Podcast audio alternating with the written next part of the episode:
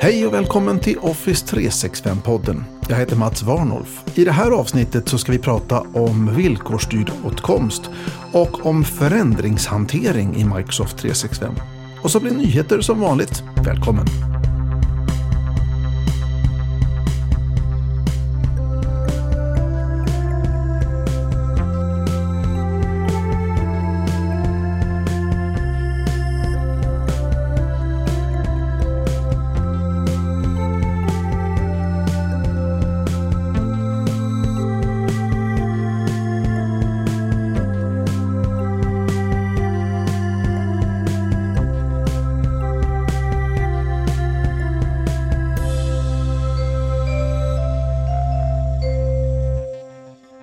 Förändringshantering kan kännas komplicerat och svårt oavsett vilka produkter och tjänster din organisation använder. Olika organisationer hanterar förändringar på olika sätt, så jag tänker inte prata generellt om förändringshantering, men för att ha någon slags gemensam plattform att stå på så tänker jag börja med att definiera vad jag menar med förändringshantering i det här inslaget i podden. Först och främst så finns det olika typer av förändringar. Det finns till exempel förändringar av organisationens verksamhet och det finns förändringar av processer i organisationen. Det som jag tänkte prata om nu är förändringar som drivs av tekniska förändringar i Microsoft 365-tjänsterna. Det är många tekniska förändringar i de tjänsterna. Det är driftstörningar, nya tjänster, tjänster som förändras, tjänster som försvinner och allt det här driver kanske en verksamhetsförändring eller en processförändring. Organisationen har verksamhetsprocesser knutna till verktygen och vi vill gärna veta om det kommer förändringar som pajar de processerna. Sen vill man ju gärna veta om det kommer förändringar som gör att man kan innovera lite i de egna verksamhetsprocesserna eller till och med i själva verksamheten. Nu är det snart två år sedan jag senast hade uppdraget att bevaka förändringar i tjänsterna, men jag gör det ändå. Mest för att jag är nyfiken, men också för att kunna rapportera här i podden om nyheter och om hur saker funkar. Här är några av mina personliga principer och tips runt förändringsbevakning och hantering. Och jag tänker inte ta upp säkerhetsrelaterade händelser som phishing eller intrångsförsök. Snarare vill jag prata om nyheter och hälsostatus. Då och då uppstår det som aldrig är välkommet, men som händer ändå. Driftstörningar. Vi har haft både större och mindre störningar i tjänsten under det senaste kvartalet och med en tjänst som är så komplex så är det oundvikligt att det leder till problem för användarna. Det i sin tur leder till nedringda servicedeskar och eskaleringar till supporttekniker som ändå inte kan göra något åt problemet. Tänk om det fanns något sätt vi kunde få veta om det just nu är problem med Microsoft 365-tjänsten som potentiellt drabbar användarna i vår organisation. Det finns det. Och inte bara ett sätt, men jag ska börja med att prata om de olika statusar som tjänsterna i Microsoft 365 kan ha. Det finns tio olika statusar som en tjänst eller funktion har. Healthy, som är den vanligaste statusen och innebär att det inte finns några kända störningar i tjänsten. Investigating. Här är Microsoft medvetna om ett potentiellt problem och samlar nu information om vad som händer och vilken påverkan det har för användare. Service Degradation. Microsoft har bekräftat att problemet påverkar användningen av en tjänst eller funktion. Kanske tar saker och ting längre tid än vanligt, eller så fungerar det ibland och ibland inte. Service Interruption. Microsoft har upptäckt att en tjänst eller funktion konsekvent inte fungerar och innebär en allvarlig brist. Restoring Service. Microsoft har upptäckt anledningen till störningen. De har identifierat vad de behöver göra och arbetar aktivt för att få tjänsten tillbaka till Healthy. Extended Recovery. Den här statusen betyder att problemlösningen pågår, men att det tar tid innan lösningen slår igenom överallt. Statusen kan också betyda att man har gjort en tillfällig lösning och att man arbetar på den permanenta lösningen. Investigation Suspended. Den här statusen ser vi sällan, men den betyder att problemet är mer komplext och att man behöver undersöka i kundmiljöernas individuella loggar för att se hur problemet uppstår. Service Restored. Microsoft har bekräftat att lösningen fungerar och att tjänsten nu är healthy igen. Den här statusen behålls en stund så man ska hinna läsa om detaljerna runt problemet och hur det uppstod. False Positive. Den här statusen betyder att Microsoft har undersökt tjänsten och upptäckt att det inte är något problem i tjänsterna. Eventuella störningar ligger någon annanstans utanför Microsofts kontroll. Post Incident Report Published. Den här statusen betyder att man har gjort en grundlig rotundersökning av hur problemet uppstod och vad man har lärt sig av det. En sån här rapport ligger kvar i 30 dagar efter publicering. Du kan ladda ner en app till din mobil som gör att du får notifieringar vid sådana här incidenter, men också av tjänsteförändringar. Microsoft 365 Admin heter appen och den är gratis och är praktisk i en liten organisation där du kanske bara har en eller två administratörer av Microsoft 365. Man kan naturligtvis använda den i större organisationer och team också, men man vill nog mer ha den som komplement till andra system som bevakar Microsoft 365. Hälsostatus kan du naturligtvis också läsa om i adminportalen i Microsoft 365. Men det blir ju mest en reaktiv bevakning här. Vi kikar ju här när det börjar komma in ärenden som rör Microsoft 365 från våra användare. Och det är en viktig del av undersökningsprocessen i Helpdesk att kolla här ifall ett ärende möjligen hänger ihop med redan känd störning. Det är också här som vi själva kan rapportera in en störning som inte kan kopplas till någonting lokalt. Och gör gärna det förresten. Rapportera vad du tror är en störning eftersom Microsoft bland annat prioriterar undersökningar baserat på hur många kunder som rapporterar in en eventuell störning. Det kan vara en bra idé att hämta hem hälsoinformation och incidenter till ert ordinarie system för att hantera förändringar, om ni har ett sånt. Microsoft har fina så kallade REST-API som kan användas för att hämta hem den här typen av information.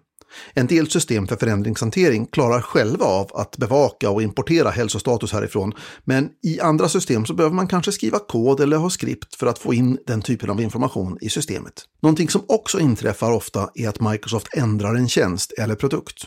Och ibland till och med lanserar nya tjänster och produkter. Och var får vi information om sånt? Ja, det vanligaste är att vi hittar uppdateringar på Roadmap-sidan. Microsoft publicerar regelbundet information om produktförändringar och tjänsteförändringar och genom Roadmappen så får vi information om vad som är på väg och vad som har hänt. Ibland mycket lång tid i förväg. Tyvärr så måste vi manuellt bevaka den här sidan också för att få information. Dessutom så är tiderna som anges på roadmappen ofta optimistiska, så att skapa hårda planer runt sånt som står i roadmap är inte att rekommendera. Ibland har saker och ting levererats mer än ett år efter det datum som Microsoft ursprungligen angav. Men jag rekommenderar ändå att man bevakar roadmap aktivt. Det är den bästa information vi har i det långa perspektivet. Dessutom så får man, om man läser mellan raderna, en bra förståelse av vad Microsoft prioriterar just nu. Vi ser också nyheter i Message Center, som är en del av administrationsportalen för Microsoft 365. Där får vi ofta konkret information om saker och ting vi behöver göra för att förbereda användare och administratörer för förändringen. Och det är väldigt praktiskt. Vi som administratörer brukar också kunna få mejl med viktiga förändringar från just Message Center. Microsoft publicerar också artiklar och blogginlägg på Tech Communities. Tech Communities är Microsofts community för de av oss som är engagerade i Microsofts produkter och det är ofta en god idé att följa bloggarna där för att se vad som är officiella nyheter och vad som diskuteras i de olika forumen. Här är dessutom ett bra ställe att ställa frågor runt produkterna eftersom många entusiaster besöker forumen dagligen. Det finns också många externa bloggar som typiskt brukar fokusera på en specifik del av Microsoft 365. Det här låter uppenbart, men jag måste ändå säga det. Hela poängen med att ta del av den här informationen är ju för att vi ska kunna förbereda oss rent praktiskt. Det innebär ju att vi behöver ha en formell process med förändringshantering så vi kan fånga upp informationsbehov så att vi faktiskt hinner kommunicera ut till organisationen inför en förändring. Så vi hinner göra om arbetsprocesser som använder något i Microsoft 365 som ska förändras på något sätt som gör att befintliga processer påverkas. Så att vi inte skapar nya processer som snart inte kommer att fungera etc. etc. Och att servicedeskarna är medvetna om problem alternativa lösningar och nyheter i tid för att kunna ta emot ärenden på rätt sätt. Ett oerhört enkelt sätt att hantera bevakning och uppföljning är att använda sig av Microsoft Planner. Det finns redan en färdig koppling ifrån Message Center som kan skapa uppgifter i Planner. Om vi en gång i veckan går in och gör en triagering och prioriterar och tilldelar ansvar för allting som vi bedömer att vi måste hantera, ja då blir det här ett ganska enkelt system för att hantera de här kommande förändringarna. Om du vill kan du också hämta in annan information om Microsoft 365 att lägga i Planner, till exempel grejer från Roadmap. Men för det här så behöver du använda Power Automate och skapa flöden och så vidare. Då. Men det finns gott om bloggar på internet som berättar hur man gör sånt. Med förändringar i produkt och tjänst så kommer nya möjligheter att förenkla, förbättra och göra våra arbetsprocesser mer tillförlitliga. Microsofts innovationer möjliggör ofta våra egna innovationer. En del av produktförändringarna är möjligheter förklädda till problem. Jag ska ge ett exempel. Microsoft släppte en produkt som heter Sway för många år sedan. Sway är ett jättebra verktyg för att skapa en interaktiv presentation. Och jag tänker mig att den här produkten i första hand skapades mot skolan för att göra det enkelt för skolelever att presentera för sina kamrater i klassen. Men jag vet många företag som använder den här tjänsten och verktyget då för intern rapportering. Det är enkelt för en medarbetare att skapa en rapport som blir väldigt visuell och så vidare utan att behöva slita med PowerPoint. Microsoft har slutat utveckla Sway. I praktiken så brukar vi som arbetar med det här tolka det som en uppmaning att sluta använda produkten. Men vad ska vi då använda istället? Ja, om vi då tittar till exempel på SharePoint så har det blivit väldigt enkelt att skapa nyheter. Kanske skulle vi kunna publicera interna rapporter som nyheter det finns inbyggda sidmallar och om de inte passar så kan vi skapa egna. Vi kan skapa bildbibliotek som gör det enkelt för medarbetarna att hitta lämpliga bilder att använda när de författar sina rapporter. Vi kan använda publikanpassningar som innebär att vi exponerar rätt personer för rätt rapporter. Och ifall målgruppen har SharePoint-appen installerad på sin mobiltelefon så kan vi notifiera målgruppen om den publicerade rapporten. Så, där har vi fyra produktförändringar i SharePoint som tillsammans gör att vi faktiskt kan dumpa Sway om vi vill det. Och på köpet så får vi funktionalitet som gör det ännu enklare att nå ut med rätt innehåll till rätt personer utan att det blir superkomplicerat för den som ska skapa rapporten. Men ibland är ju problem just problem, som till exempel i fallet med driftstörningar.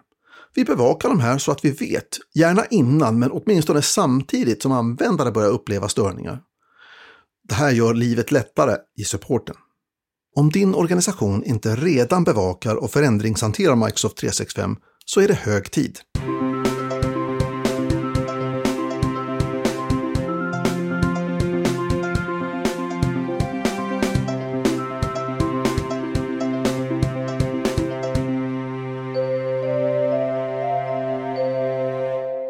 Det känns som det var evigheter sedan jag var ny inom IT. Och det var det ju också. Jag började jobba som administratör på tidigt 90-tal och jag tillhör en skara som faktiskt jobbade hemifrån genom att koppla upp mig med mitt 2400-bods-modem. Om du någon gång känner att det är segt på internet, då skulle du varit med på den tiden. Det var förstås enklare förhållanden då och säkerheten var av väsentligt enklare slag. Å andra sidan var IT-beroendet också mycket mindre och de skurkar som använde IT för att begå brott på den tiden, de hade kostym. Idag ser det förstås annorlunda ut, både med IT-beroendet och brottslingarna. Då bestod skyddet i att man hade ett lösenord. Idag räcker inte det längre. Vi behöver ha mer sofistikerade metoder för att avgöra åtkomst till våra viktigaste resurser. Ta min kompis Peter. Peter jobbar som säljare. Han är sällan på kontoret och det är ju rätt få av oss som är det numera. Peter har en firma Macbook och hemma har han en privatägd Windows 10-dator. Det måste gå att skilja på vad Peter kommer åt på sin Macbook och vad han kommer åt från sin privata dator. Vi måste också kunna skilja på vad Peter kommer åt när han sitter på en betrodd plats och vad han kommer åt när han sitter på ett café någonstans och lånar wifi.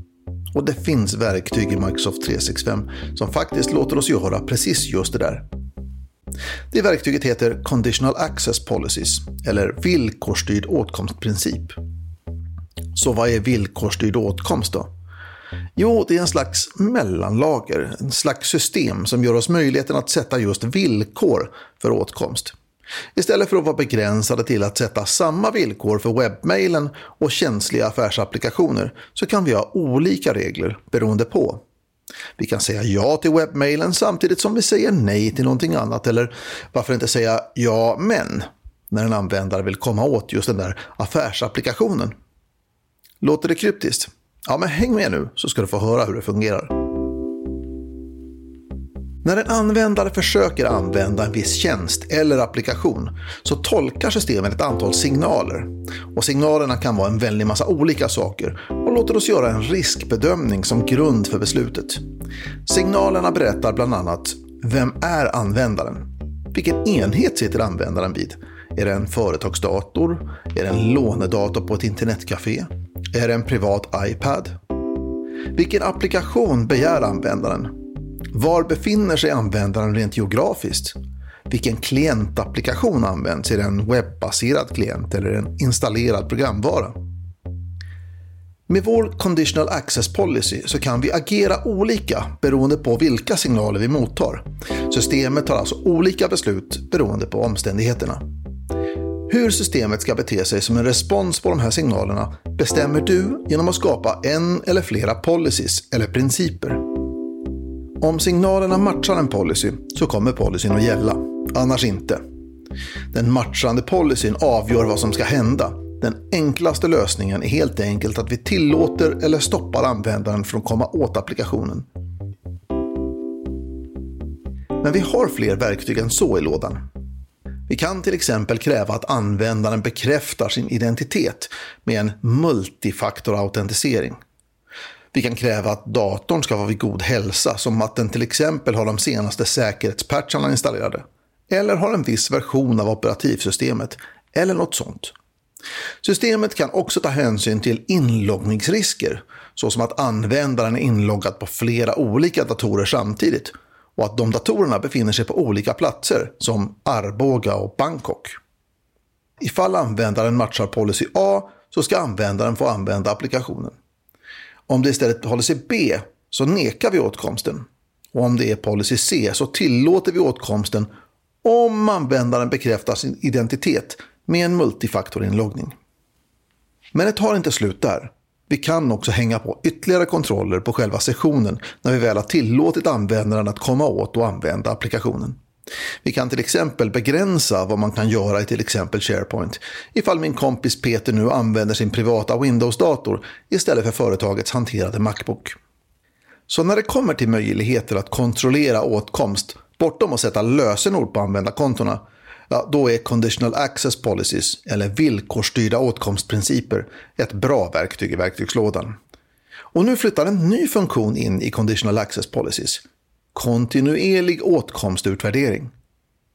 Normalt sett så fattas ju beslutet när användaren ska börja använda applikationen. Men systemet är okunnigt om vad som händer därefter när beslutet väl är fattat. Användaren kanske byter plats eller kopplar via ett annat nätverk eller förändrar någonting annat som systemet tog hänsyn till när den utvärderade din policy. När applikationen eller tjänsten upptäcker den här förändringen så kan den nu meddela tillbaka till vårt system i realtid så att ett nytt beslut kan fattas baserat på den nya informationen. Dags för nyheter i Office 365-podden. Använder du Teams på en lite äldre Android-mobil så ska du höra upp just nu. Support och stöd för Teams på Android 5 kommer att pensioneras i mars under 2022. På Android 6 så försvinner stödet under juli 2022 och Android 7 försvinner under september 2022. Så sitter du med en äldre Android-mobil och använder Teams så är det dags att uppgradera. Nu i december kommer möjligheten att samredigera dokument trots att de är skyddade med krypterande känslighetsetikett. Det här är inte möjligt idag men det är en väldigt efterlängtad nyhet för organisationer som har implementerat dokumentskydd med känslighetsetiketter. En kommande nyhet är att du snart kommer att kunna ta hänsyn till känslighetsetiketter på Teams och SharePoint-sajter i dina Conditional Access Policies eller principer för villkorsstyrd åtkomst som det heter på svenska. Om en sajt har en viss säkerhetsetikett på sig så kan vi till exempel kräva multifaktorinloggning för att du ska kunna komma åt den. Microsoft planerar att lansera den här möjligheten under mars 2022. Nu i slutet av året rullar Microsoft ut en förändring också av Office-portalen, den som du kommer till på office.com när du har loggat in. Där får vi helt enkelt en ny menydel som heter Skapa eller Create. Och den samlar alla saker vi kan skapa som kalkylblad, listor, formulär etc. Så Office.com blir startplatsen för att skapa nya dokument. Vi kan också använda företagsmallar som grund för de nya dokumenten som vi skapar. Och det var nyheterna i Office 365-podden.